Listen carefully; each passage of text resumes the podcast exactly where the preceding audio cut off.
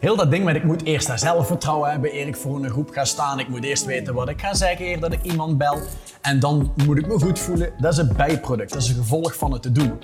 Maar Johan zegt net iets goeds. Het is eenvoudig om succes te boeken in deze markt. Je hebt mensen die zijn heel goed in het doen van kernacties. Je hebt ook mensen die zijn de hele dag door bezig met allerlei oppervlakkige acties. En dan heb je mensen die die twee met elkaar verwarren. Daar hebben we een coaching challenge te pakken.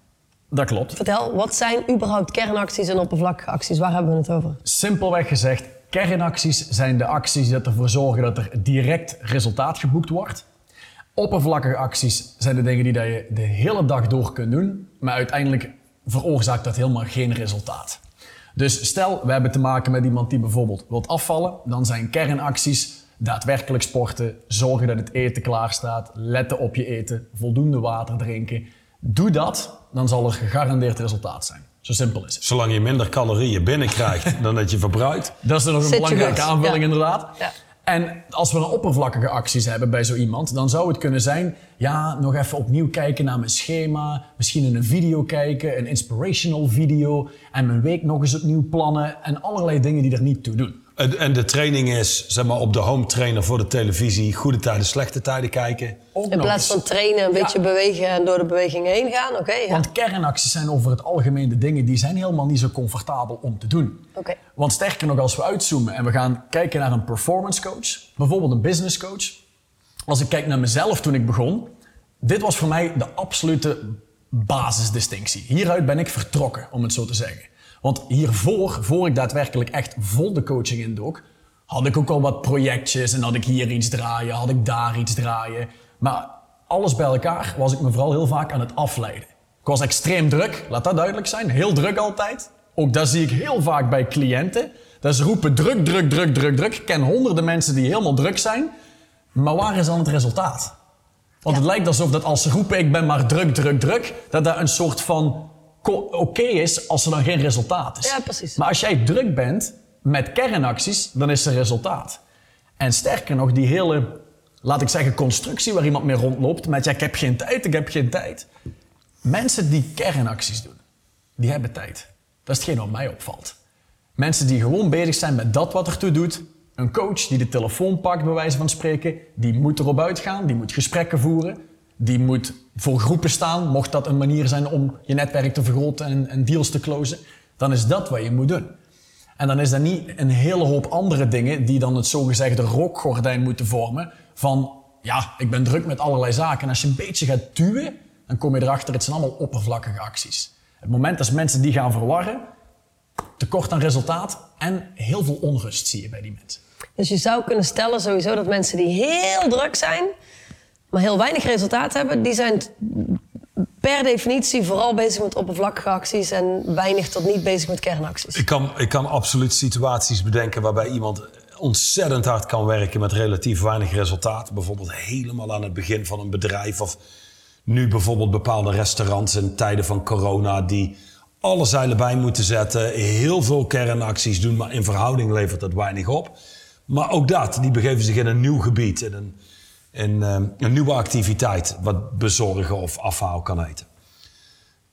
Maar als jij verzandt in kernacties, de dingen die er echt toe doen.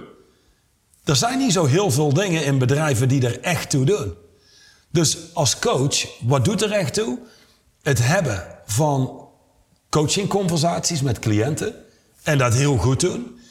En de andere actie die je te doen hebt, is je netwerk vergroten en verzoeken en voorstellen doen binnen dat netwerk. Dat zijn de twee zaken waar Christophe een compleet nieuw leven mee opgebouwd heeft.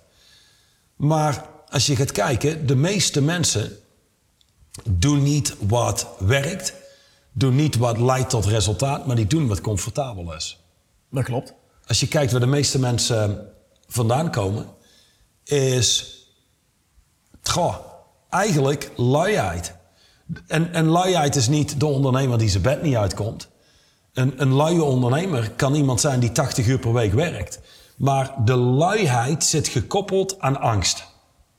En die angst kun je terugbrengen tot simpelweg de angst om oncomfortabel te zijn. Nou, dan ga je maar eens kijken bij het opbouwen van een coachingbusiness. of welke business dan ook, je zult in de wereld moeten zijn, moeten uitreiken naar mensen, voorstellen moeten doen. Ja, wat gebeurt er als je voorstellen gaat doen? Dan ga je afwijzing krijgen. Dan ga je dingen meemaken waar dat mensen over het algemeen met, met heel veel kunstjes dat willen vermijden. Want 20%, 20% van je acties, ja, dat veroorzaakt 80% van je resultaat. Ja. Zo simpel is het. Maar het is dat discomfort wat mensen uit de weg willen gaan. Want afgewezen worden, weer een nee krijgen. Ja, op een of andere manier, mensen maken dat persoonlijk. En dat was vanaf het begin bij mij wel heel duidelijk. Ik had één uitspraak op een papiertje staan. En die uitspraak was als volgt. If you don't get 18 no's a week, you are a coward. Oftewel, als ik geen 18 nee's per week kreeg, ja, dan ben Was ik een lafaard, dan ben ik dus terughoudend. En dat is ook zo. Precies wat Johan zegt. Je hebt coachingconversaties te voeren, je werk uit te voeren. Je hebt een hele hoop gesprekken te creëren. Dat kan zijn via doorverwijzingen. Je gaat naar netwerkbijeenkomsten. Of je hebt lezingen die dat gevuld worden of waar je ingehuurd wordt. En je bent continu conversaties aan het voeren. En wat is een effectieve conversatie?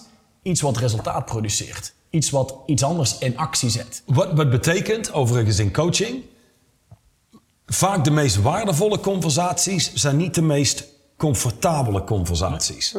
En ik dacht dat jij een andere quote zou geven, namelijk die past hier ook heel goed bij. You don't have to like it, you just have to do it. En mensen zijn over het algemeen heel terughoudend en gaan dingen uit de weg die oncomfortabel zijn, die spannend zijn. Maar je hoeft het niet leuk te vinden, je hoeft het ook niet comfortabel te vinden, je moet het alleen maar doen.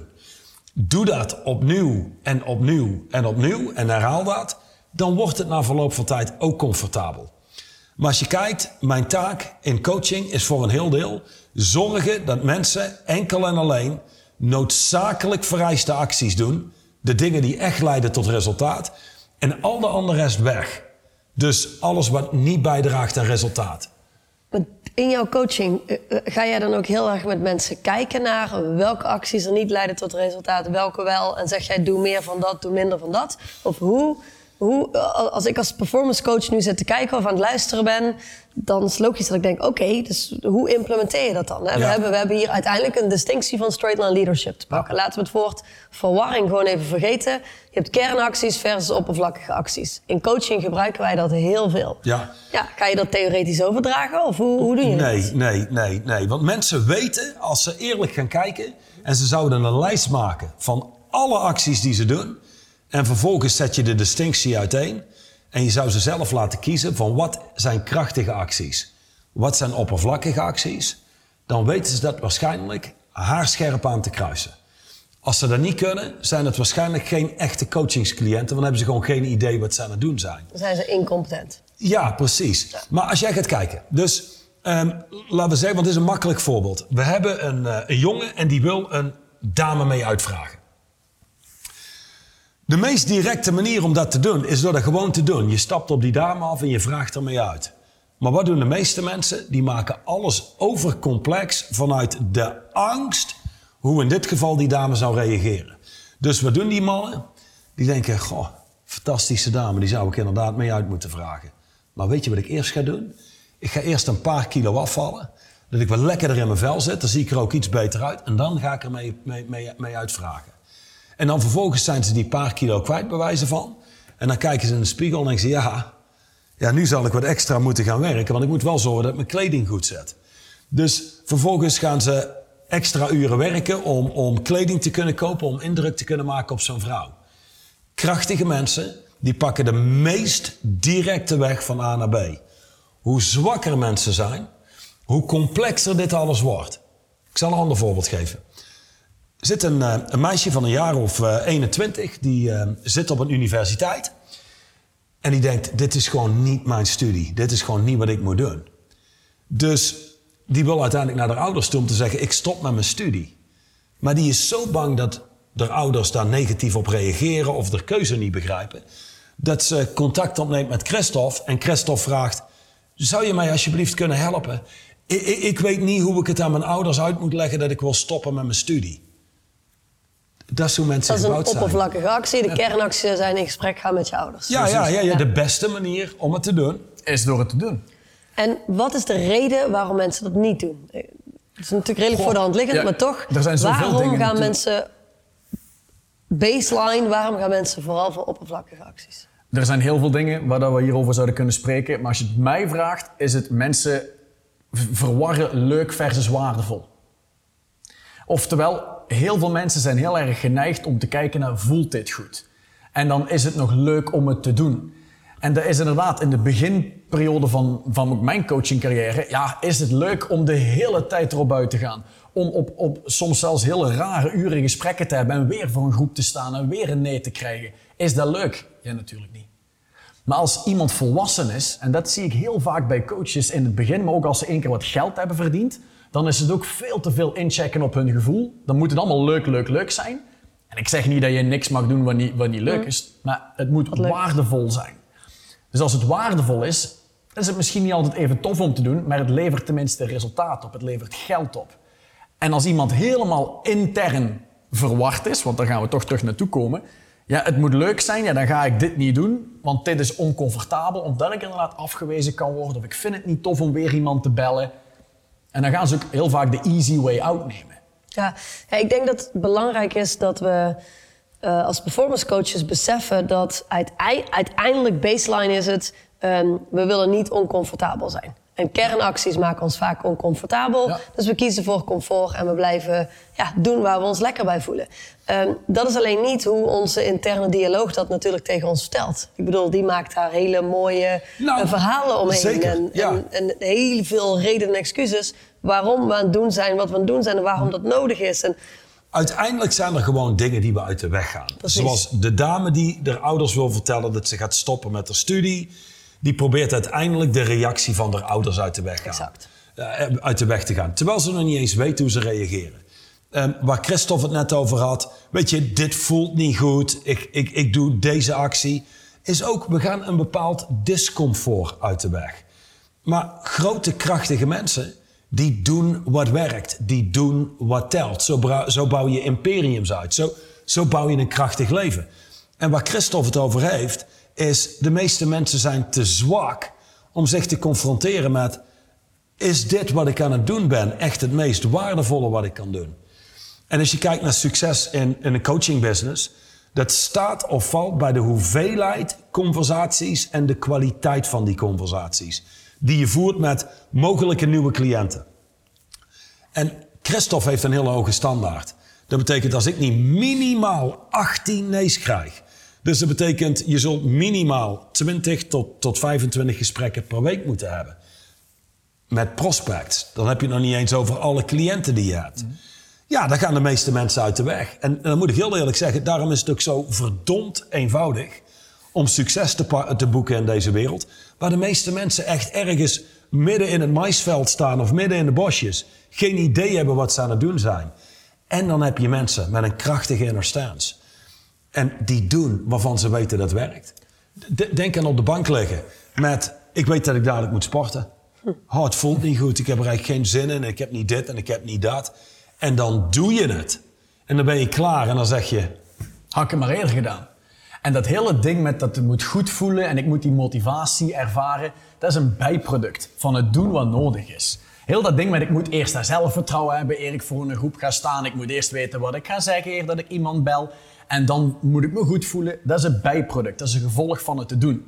Maar Johan zegt net iets goeds. Het is eenvoudig om succes te boeken in deze markt. Want als we gewoon kijken naar wat de kernacties zijn, zo kan ik nog één coach herinneren.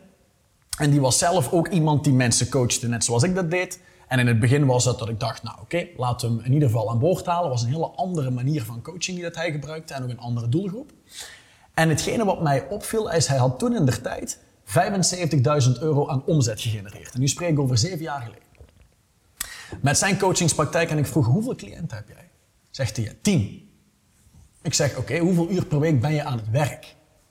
Goh, begon te tellen. Ik zeg, jij bent heel lang aan het tellen voor iets wat volgens mij een heel simpel antwoord is. Tien. Eh, Ja, tien inderdaad. En hij zegt, nee, maar ik was dit aan het doen en dat aan het doen. En dan komt die hide behind activities. Allemaal van die activiteiten die iemand ophaalt, maar daar verschuilt iemand zich gewoon achter. Nogmaals, dat is dat discomfort uit de weg gaan. Mag ik daar één ding op toevoegen? Tuurlijk. Want dit is essentieel. Hoeveel mensen ken jij die de ballen hebben om te zeggen... weet je, ik heb weinig resultaat, maar ik doe ook geen fuck? Ja, er zijn er maar weinig. Niemand. Dat- dat- dat- Niemand. Nee, dus, dus aangezien... We, dat- want we willen er goed uitzien als mens. Dat is, dat is het issue. Dus niemand zal zeggen, ja, ik doe eigenlijk ook niks. eh, daarom heb ik geen resultaat. Nee. nee We gaan ons druk houden met dingen. Exact. En dan krijg je van die netwerkmeetings met van die ondernemers die elkaar spreken. En allemaal zijn ze druk, druk, druk, druk, druk. Maar ze hebben allemaal geen resultaat. Dus waar ze druk mee zijn, oppervlakkige acties, hide behind activities. Dingen waar je achter kunt verbergen dat je het idee hebt, ja, maar we zijn wel goed bezig. Ja. Ik vind persoonlijk in de, in de wereld van coaches, trainers en ZZP'ers is het super, super duidelijk. Hè? Ik bedoel, eh, als je, ben je al oprecht alweer je website aan het vernieuwen? Ben je alweer bezig met een ander logo? Ben je alweer bezig met een nieuwe social media eh, video? Oké, oppervlakkige acties. Maar, maar als je dan naar onze cliënten gaat, hè, de ondernemers waar we mee werken... Over het algemeen, een van de grootste issues die ondernemers hebben, is werken in het bedrijf versus werken aan het bedrijf. hè. Ze willen meer uit het bedrijf en meer aan het bedrijf werken. Daar heb je natuurlijk veel meer verstrikking en verwarring over wat kernacties zijn versus oppervlakkige acties zijn. Omdat om het bedrijf, in hun Ja. hoofd is het, ja, maar ja, het, Ja. bedrijf moet door, het product moet, ge- moet, moet, eh, moet van de plank komen. Dus dat zijn kernacties. Ik moet daar nu staan. Dus dat, dat is voor mij een, een complexere coaching challenge dan met een, met een coach die Ja. gewoon niet doet wat nodig is. Zeker. Kunnen jullie daar eens op inzoomen? Dat vind ik interessant. Want als jij als eigenaar in contact staat met je team van executives of je medewerkers of Bij managers. MT of zo. Het probleem daar is dat ook zij zullen niet naar een eigenaar komen en zeggen... Luister Mandy, eh, jij als eigenaar van dit bedrijf, ik ga even heel eerlijk zijn. Wij doen met name oppervlakkige acties. Natuurlijk niet. Dat, zegt- dat zegt niemand. Nee, Nee. dan schiet je jezelf meteen in je voet. Ja. Dus zo'n ondernemer, waar zit, waar zit eigenlijk de, de grootste... Het, het grootste probleem is dit. Je krijgt geen accurate informatie vanuit de werkvloer. Dus iedereen op de werkvloer roept... wij zijn hard en, en druk aan het werk. Maar er zijn geen kernacties, want anders zou er meer resultaat zijn. Maar zo'n ondernemer snijdt niet door die leugens heen. En vaak als mensen vertellen wat ze aan het doen zijn... En dan kunnen ze ook denken dat ze dat in werkelijkheid doen, maar vaak doen ze iets anders. Kijk naar een gemiddeld fitnesscentrum. Ja, exact, maar dat is eigenlijk Ja, maar- juist Wacht even. hè. Dus, dus je hebt een fitnesscentrum en dan heb je zo'n fitnessbegeleider. En dan is hij zeven uur al aan het werk en dan, oh, dru- drukke dag, druk bezig. Maar als je op de camera mee zou kijken, zie je hem vooral achter een computer staan. Mensen te vermijden. En als er dan een keer iemand langsloopt die die kent of waar hij een goed gevoel bij heeft, dan gaat hij daarmee in contact. En verder is hij aan het verstoppen. Ja, dat is exact. wat er gebeurt. Maar Ik denk- jij, de jij laatste- denkt dat ik mijn... mijn- laatst heb ik bijvoorbeeld gewerkt met een van onze groepen, van onze ondernemers. Aha. En waar dat we de hele dag bij hebben stilgestaan, is het, het verschil, want het gaat nog altijd over een verwarring hè, tussen kernacties Precies. en oppervlakkige acties. Dus een hele grote groep van die mensen die zijn zelf groot geworden door te doen waar ze heel goed in zijn. Dus om die stap daadwerkelijk te maken naar het zijn van een leider, ja, dat is iets anders dan het zijn van een ondernemer. Precies. Dus een hele simpele tool waar ik die dag aan heb gewerkt is, je hebt zoiets als 10 euro per uur taken, 100 euro per uur taken en 1000 euro per uur taken. Of duizend plus. 1000 plus, laat dat duidelijk zijn. Want iemand is ooit begonnen met zelf in de praktijk te staan, one of the guys te zijn. En op een gegeven moment moet dat uitzoomen. Absoluut. Ik moet gefocust zijn op het managen van mijn netwerk van conversaties, zou je kunnen zeggen. In plaats van zelf in de operatie te staan, moet ik veel meer Precies. aan dat bedrijf werken. Tuurlijk, en hier gaan we weer, voelt dat als... Ik heb eigenlijk niks gedaan vandaag. Nee, ik denk dat dat de gebieden zijn waar heel veel verwarring is bij ondernemers. Mhm. Want ik denk dat alles wat jij zegt klinkt heel logisch. En Totdat je als ondernemer in je bedrijf rondloopt en je, en je loopt daar en je ziet, ja, als dit nu niet opgepakt wordt, dan komt dat product niet op tijd van de band en is het niet op tijd bij mijn klant. Dus in, in dat opzicht is het voor de ondernemer heel, heel terecht. Hè? Ik zeg niet dat het zo is, maar dat, dat, het is heel logisch dat hij dat ziet als dat is een kernactie die ik nu moet doen. Hoe krijg je dat doorbroken? Want dat is natuurlijk een behoorlijke eh, verwarring. Want Precies dat zijn wat niet Christophe echt zegt. kernacties. Het is, zo'n ondernemer moet gaan zien dat zijn werk is uiteindelijk iedereen binnen die organisatie aansturen. Ja. Dat, dat zij doen wat ze moeten doen. Maar zijn gouden hamer, dat waar die altijd op terug zal vallen omdat het altijd gewerkt heeft, is hetzelfde gaan doen. Precies. Maar dan komt wat Christophe zegt. Heel veel van dat werk is 50 euro per uur werk of 100 euro per uur werk. Alleen daar kun je als ondernemer nooit op focussen. Want een ondernemer focust zich op big picture, widescreen. Die heeft overzicht, die ziet kansen in de markt, die, die moet daarop in kunnen spelen. En dat betekent, die moet niet met een lasapparaat in zijn handen staan of iets anders doen. Ehm, daar zit een hele grote verstrekking. Maar dat heeft meer te maken met dat wat ooit een kernactie was. Exact. Toen je ZZP'er was, is geen kernactie meer als je een organisatie leidt met 50 mensen. Precies. En daar zit inderdaad een grote verwarring. De tweede verwarring, vervolgens als je te maken hebt met een leider, is dat hij dat onderscheid niet kan maken voor medewerkers en dat ze hem steeds voor de gek blijven houden. Dat ze kernacties doen, maar in werkelijkheid zijn het oppervlakkige acties. Ja, helder.